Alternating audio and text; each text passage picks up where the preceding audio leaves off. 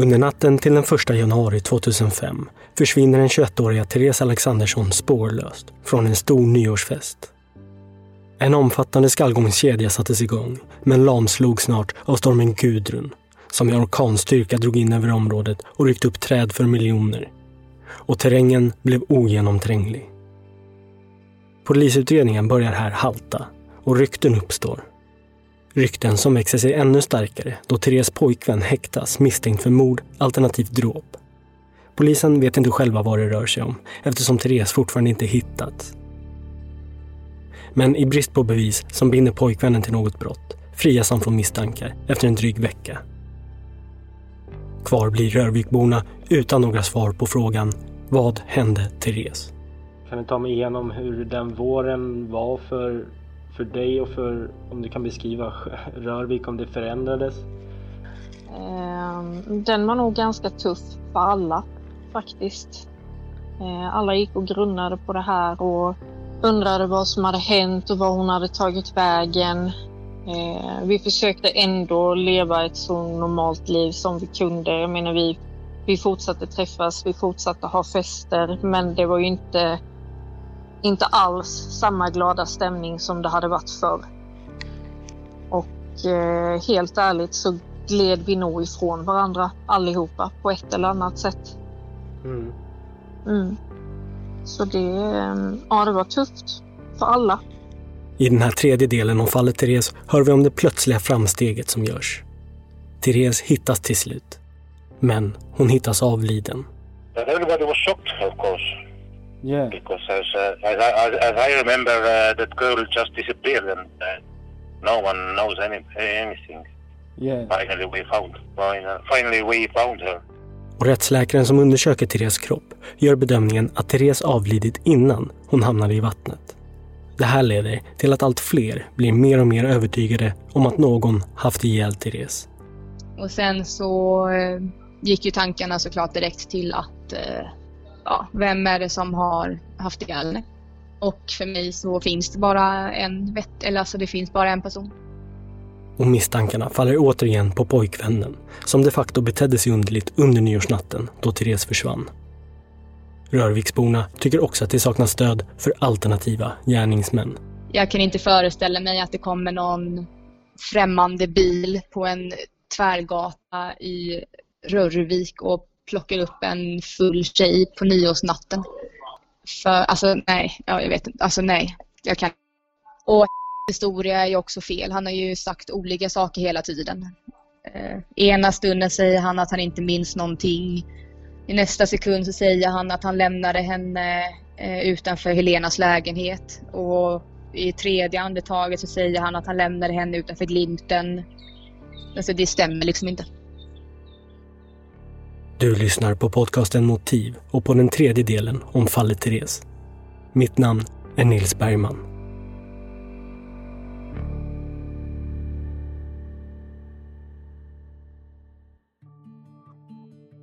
Men om du skulle kunna beskriva Therese som person bara.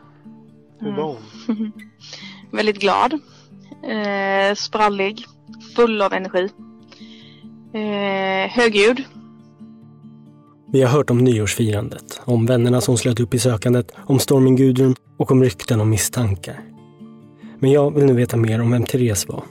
Vi hör kusinen Madeleine. Eh, busig, typ. Alltså hon ja, eh, hon höll alltid på att skoja och busa med vår mormor. Eh, och, ja, hon var väldigt, väldigt glad och hon visst hon hade också en tjurig sida som alla andra, alla andra människor och den, när hon väl var tjurig så märktes det ganska tydligt.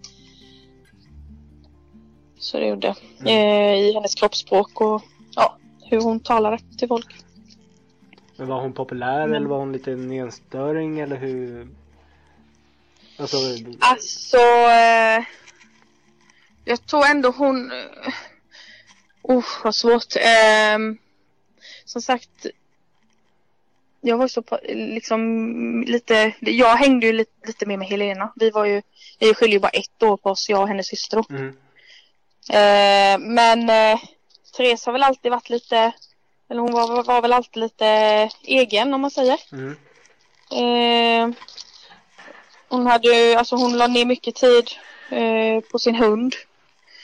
Eh, prioriterade det mycket. Eh, sen hade hon ju givetvis vänner som hon umgicks med. Eh, så det är inte så att hon var hon var inte utstött, det är inte så jag menar utan ja. Men hon var ju, hon var ju inte mittpunkt om man säger så. Vi träffades när vi var små eh, och gick i skolan tillsammans. Och, eh, En av Therese bästa kompisar, Jessica, beskriver Therese som en väldigt lojal vän som alltid fanns där för henne. Sen så flyttade jag i några år och kom tillbaka sen och då fanns hon där precis som hon har gjort hela tiden. Mm. Eh, både hon och hennes familj och eh, sen så ja, fortsatte vi bara umgås precis som vanligt. Eh, Therese stora passion, förutom att umgås med kompisar, var sin hund Fancy, som hon avdyrkade. Och även Jessica beskriver Therese som glad, positiv och spontan. Eh, vi hittade på många roliga grejer ihop. Eh, inte direkt den personen som bråkar med folk, utan hon, hon reder ut saker och ting om det är någonting som är fel. Mm.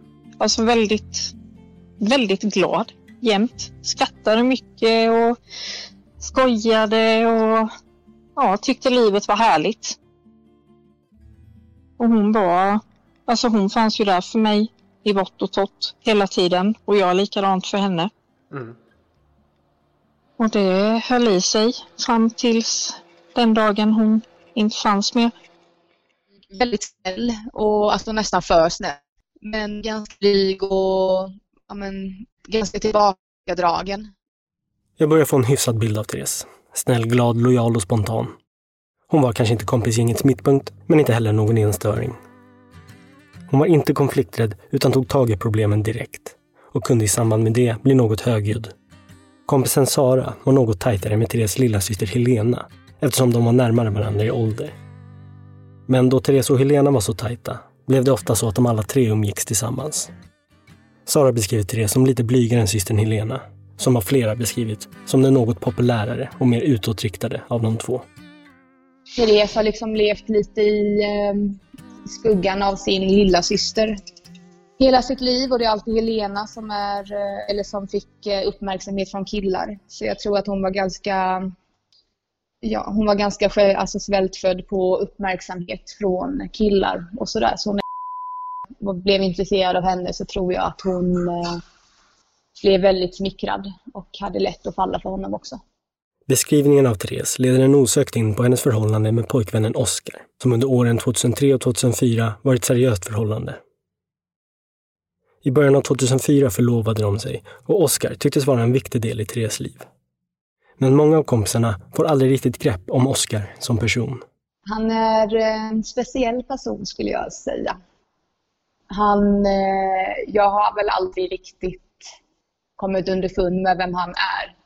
Eh, och jag har mestadels bara träffat honom på fester. Och han kan bli ganska, eller han blir oftast väldigt packad, eller blev i alla fall. Eh, och då är han ganska aggressiv och väldigt oberäknelig. Eh, det blev ofta bråk när han var på samma ställe så det var ingen som ville ha honom på hemmafest och sådär. Eh, för att då blev det alltid strul och drama. Så jag har väl inte jätte, jättebra erfarenhet av honom. Deras relation var väl upp och ner precis som alla andras relationer egentligen. Jag menar, man bråkar när man har förhållande. Det gör alla. Therese och Oskars förhållande uppfattas något olika av olika vänner. Vissa menar att Oskar var ovanligt bråkig, medan andra menar att bråken som uppstod var av sån natur som figurerar i alla förhållanden. Vi hör kompisen Jessica. Nej, men det var väl det gamla vanliga. Han säger så, hon säger si och ja, alltså typ att ja, men han är dum i huvudet. Ja, fast han säger ju samma sak om dig. Mm. Annars så var det ju inget sådär direkt som hon påpekade eller så heller att det skulle vara något annat som var jobbigt. Therese och Oskar bodde tillsammans i Oskarshus i Lammhult. Och till sina vänner berättar Therese om drömmen om att inte bara gifta sig utan även skaffa barn tillsammans med Oskar och låta dem växa upp där i Lammhult. Hur skulle du beskriva honom då rent eh, Ja, utifrån vad du vet.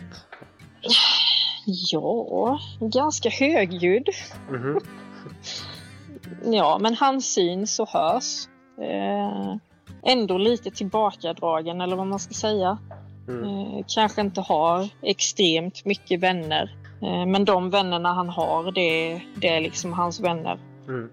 Sen kände inte jag honom sådär jätteväl. Så att jag... Nej, han verkade trevlig i alla fall. Han verkade trevlig, tyckte Jessica. Men uppfattningen av Oscar varierar också beroende på vem man pratar med. Vi hör kusinen Madeleine.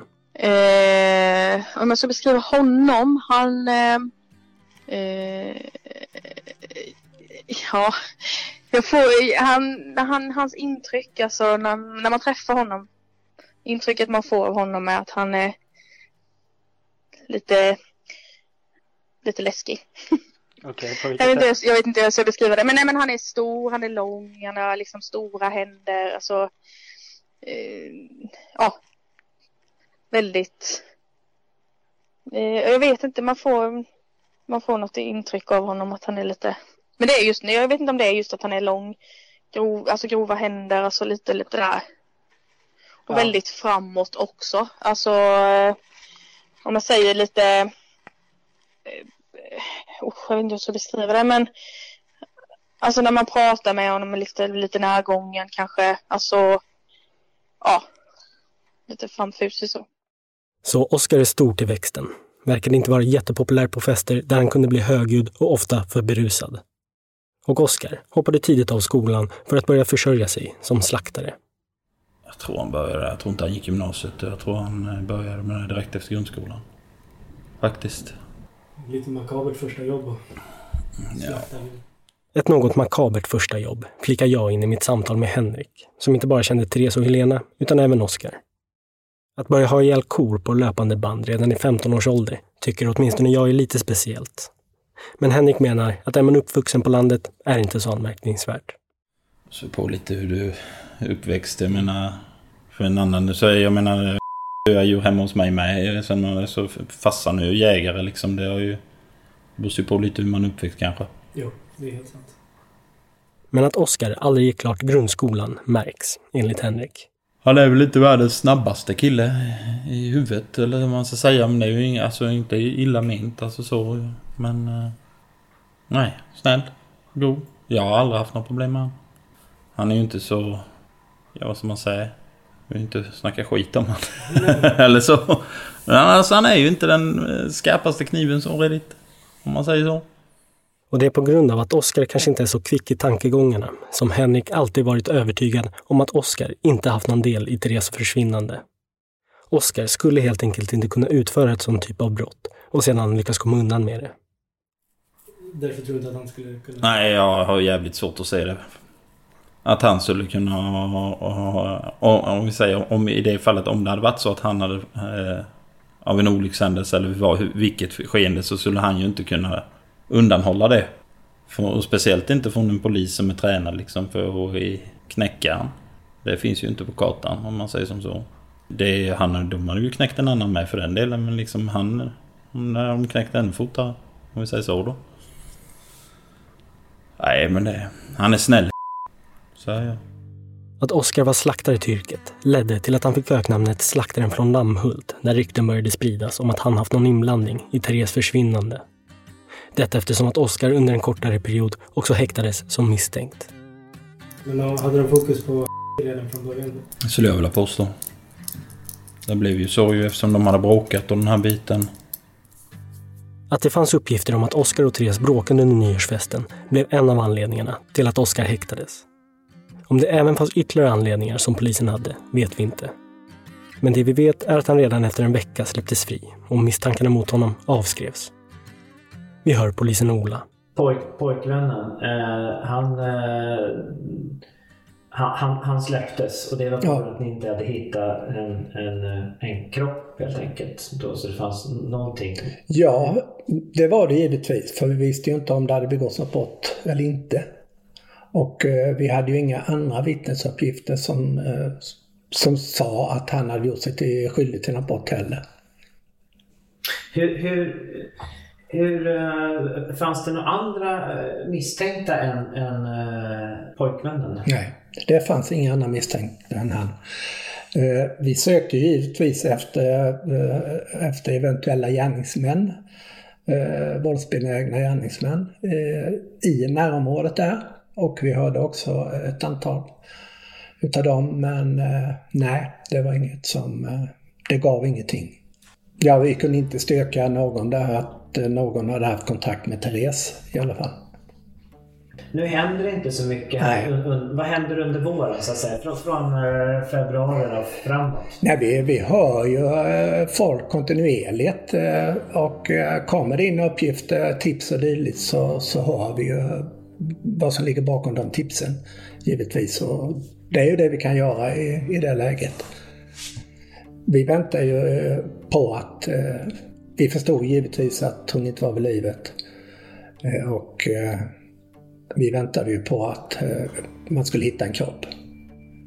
Det var väldigt lite och vi tyckte nästan var lite konstigt att man ingen hade gjort någon iakttagelse av Therese.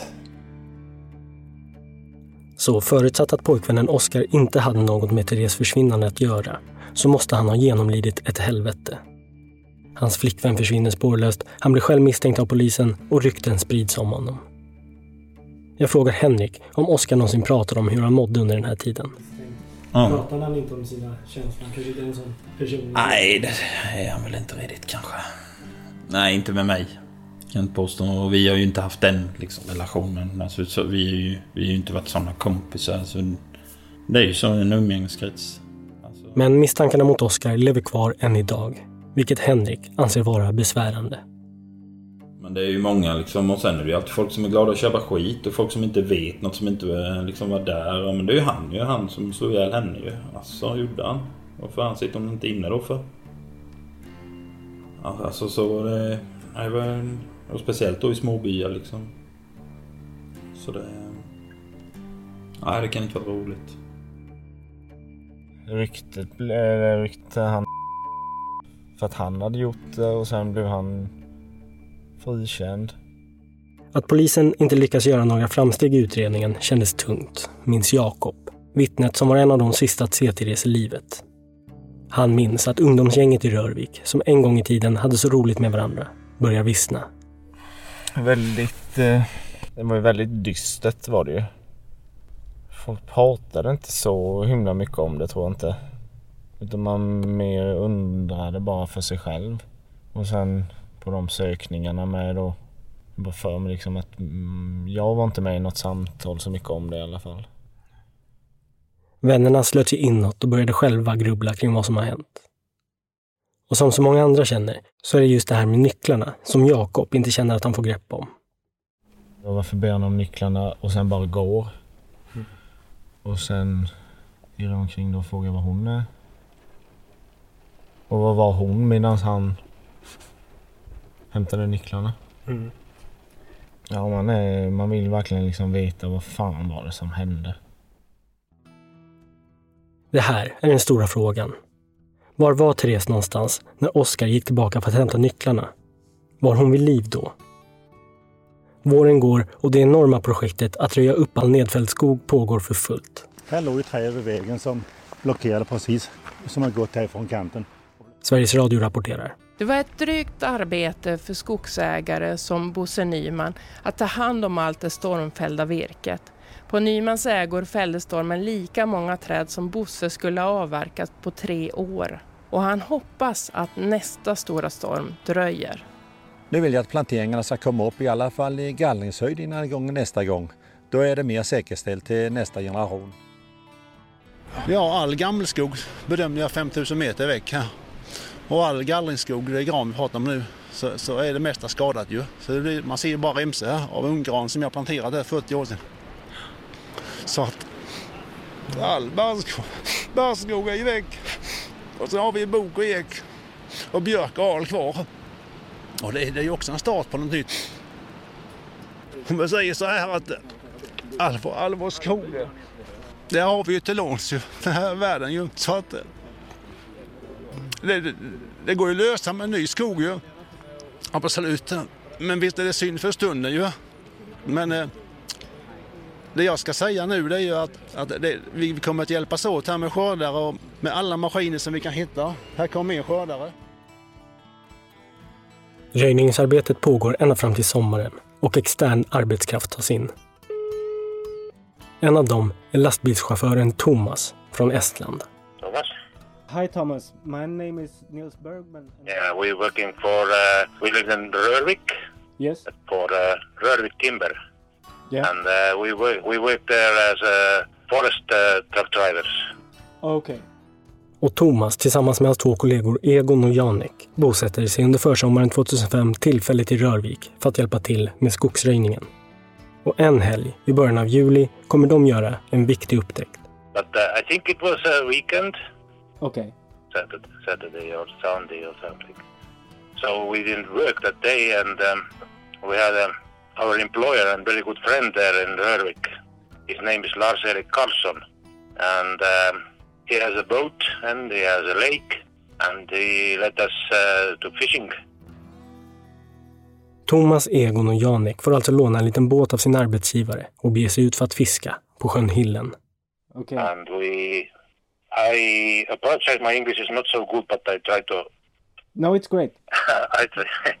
So you, you were out on the So, lake, and and after that, and we and, and we loo- looking for uh, how it's in English. I even don't know. I think is uh, in Swedish is record. You know? okay, Yeah. Look we we we look for for them around the lakeside. Med blickarna fixerade ner mot vattnet i jakt efter räkor att äta till helgen gör de alltså snart en makaber upptäckt. Then suddenly one of us, uh, it wasn't me, it was my friend Egon. He suddenly cried, "Fuck!" I, I asked, "What happened? What happened?" And he crying, "I think it's a body. I think it's a body." Där längs strandbrynet upptäcker de vad som ser ut att vara en kropp. Men de har först svårt att tro att det faktiskt är en människokropp. We just we just uh, first thought it's some kind of doll. ah, could you describe it to me? Uh, it was it was in the water, in the water. His back was uh, up, upside, so we didn't see her face. And then I took the stick and uh, lifted the the doll a little bit, and then we understand it's not a doll; it's a dead body. Thomas vänder på kroppen uppåt med en pinne och ser då att det inte rör sig om någon docka. Utan att det är ett människolik. Och det kommer alltså snart visa sig att det är Therese de hittat. And how did that feel? Uh, it was shocking, of course. De ser på kroppens skick att kroppen inte hamnat i vattnet nyligen. Utan den måste ha legat i vattnet väldigt länge. Uh, But then we straight uh, go to our friend, our local friend Lars Erik, and he called the police, and that's it. Police never talked with us. They never talked with you. No, police never talked with, with us. Okay.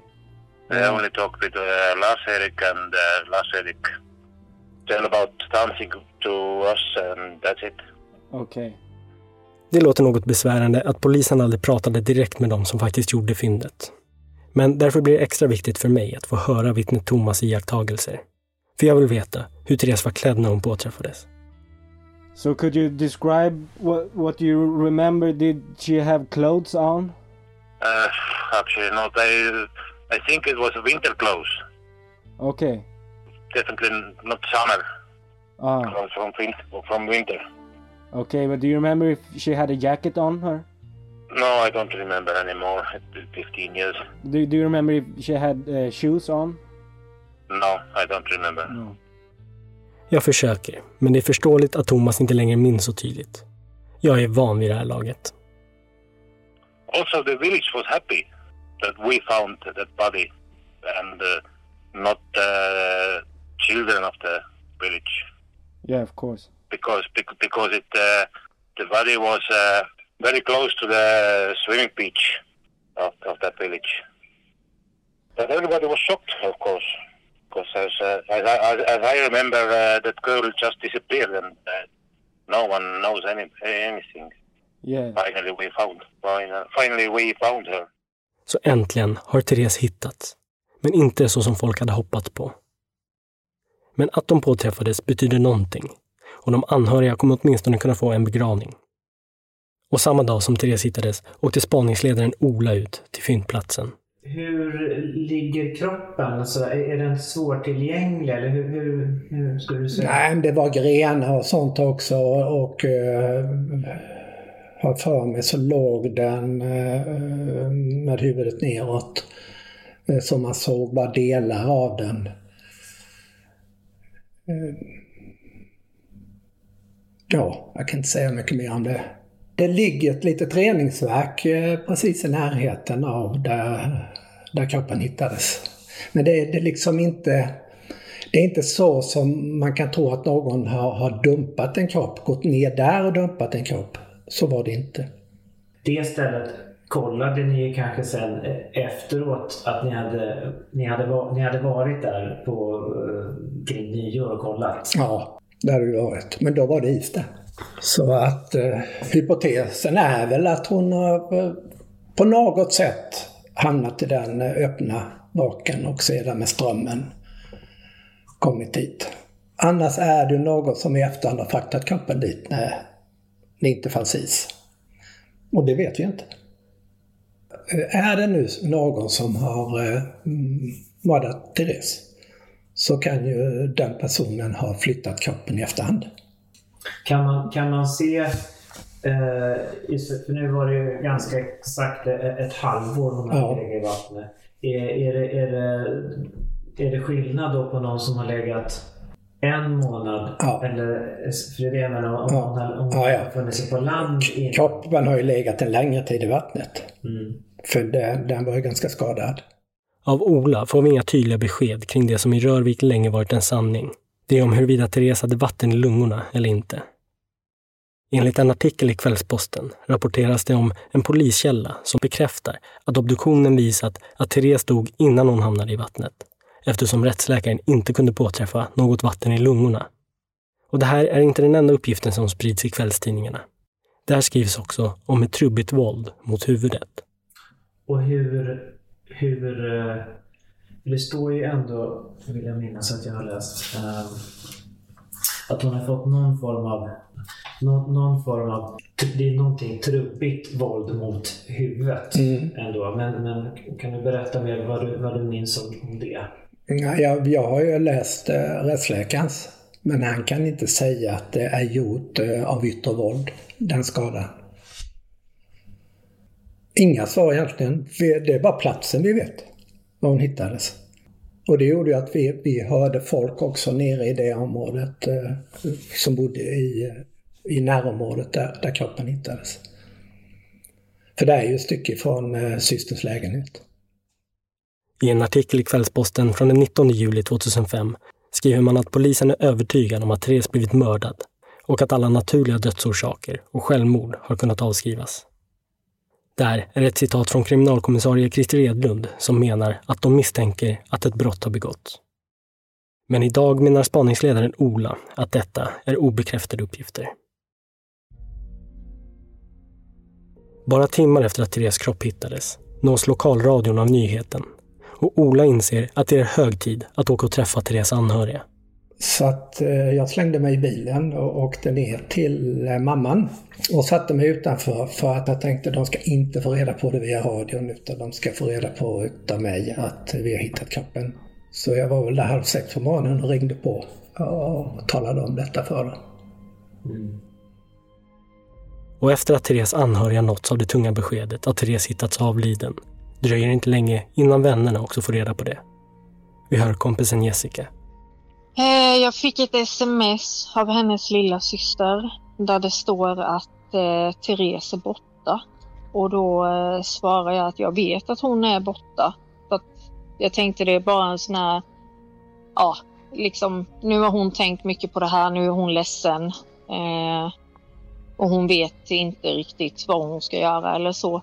Eh, och sen eh, så somnade jag om och så ringer min telefon några timmar senare och då ser jag att det står mamma på eh, telefonen. Mm. Och då är det min mamma som ringer och så säger hon att de har hittat henne. Eh, och då fattar ju jag att det var sant. Det som Helena hade skickat till mig då. att nu var hon verkligen borta. Och vad var dina tankar och känslor då? Eh, jag bröt ihop och eh, sa till min dåvarande pojkvän att eh, han skulle köra mig till Sävsjö, till min mamma. Ehm, och sen så var jag nog inte särskilt kontaktbar på flera dagar. Ja, jag förstår. Mm. Då skrev Helena direkt och berättar att eh, nu har de hittat henne.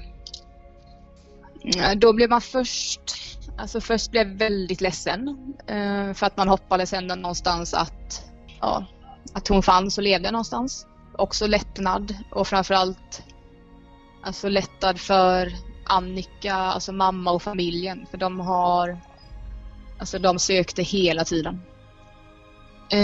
Så det var en befrielse att få veta att hon, ja, att de hittade henne i alla fall. När Therese hittades så trodde Rörviksborna att de äntligen skulle få sina svar. Men det fick vi ju inte. Mer än att hon inte hade vatten i lungorna. Det var det enda de kunde alltså se på kroppen. Therese kusin minns också hur tungt det var att ta emot det här hemska beskedet och menar också att ovissheten än idag frustrerar henne. Jag kommer ihåg det också, alltså det var ju lite blandade känslor där samtidigt som det var en chock att få det här liksom att hon är hon är död liksom, hon är hittad, hon är död. Samtidigt också som det var skönt att få något och veta att hon, alltså att få något besked i alla fall. För man går ju ändå och hoppas.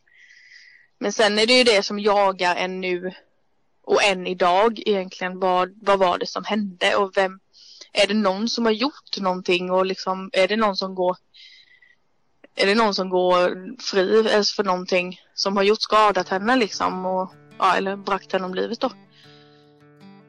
Man vill ju ha ett svar och liksom vad, vad är det som vad var det egentligen som hände? Alltså det knyter sig i magen. Alltså man, det, det är en hemsk känsla för att man vill ju ändå Alltså är det någon som har gjort henne någonting? Kommer den göra det igen? Det dröjer inte länge innan Rörvik kommer att drabbas av ytterligare en tragedi. En äldre man kommer att mördas med brutalt våld mot huvudet. Och han kommer också påträffas avliden i sjön Hillen. Två mord på, det är som man säger GV att det, det är statistiskt omöjligt egentligen. Du har lyssnat på podcasten Motiv och på del 3 av 6 om fallet Therese. Fallet Therese är en samproduktion mellan Talltale och A Rabbit Hole. Magnus ringer polisen. Någonting känns ont, farligt och outhärdligt. Researcher var Johnny Kock, produktionsassistent Albin Håkansson, efterbearbetningsproducent Martin Mork, producerat av mig, Nils Bergman och John Mork. Tack för att ni lyssnar. Snälla Ludvig, sa jag, hjälp mig att leta. Visst, sa du. Du stod där med din kompis. Men inte kunde jag väl ana att det var du, Ludde, som var mördaren.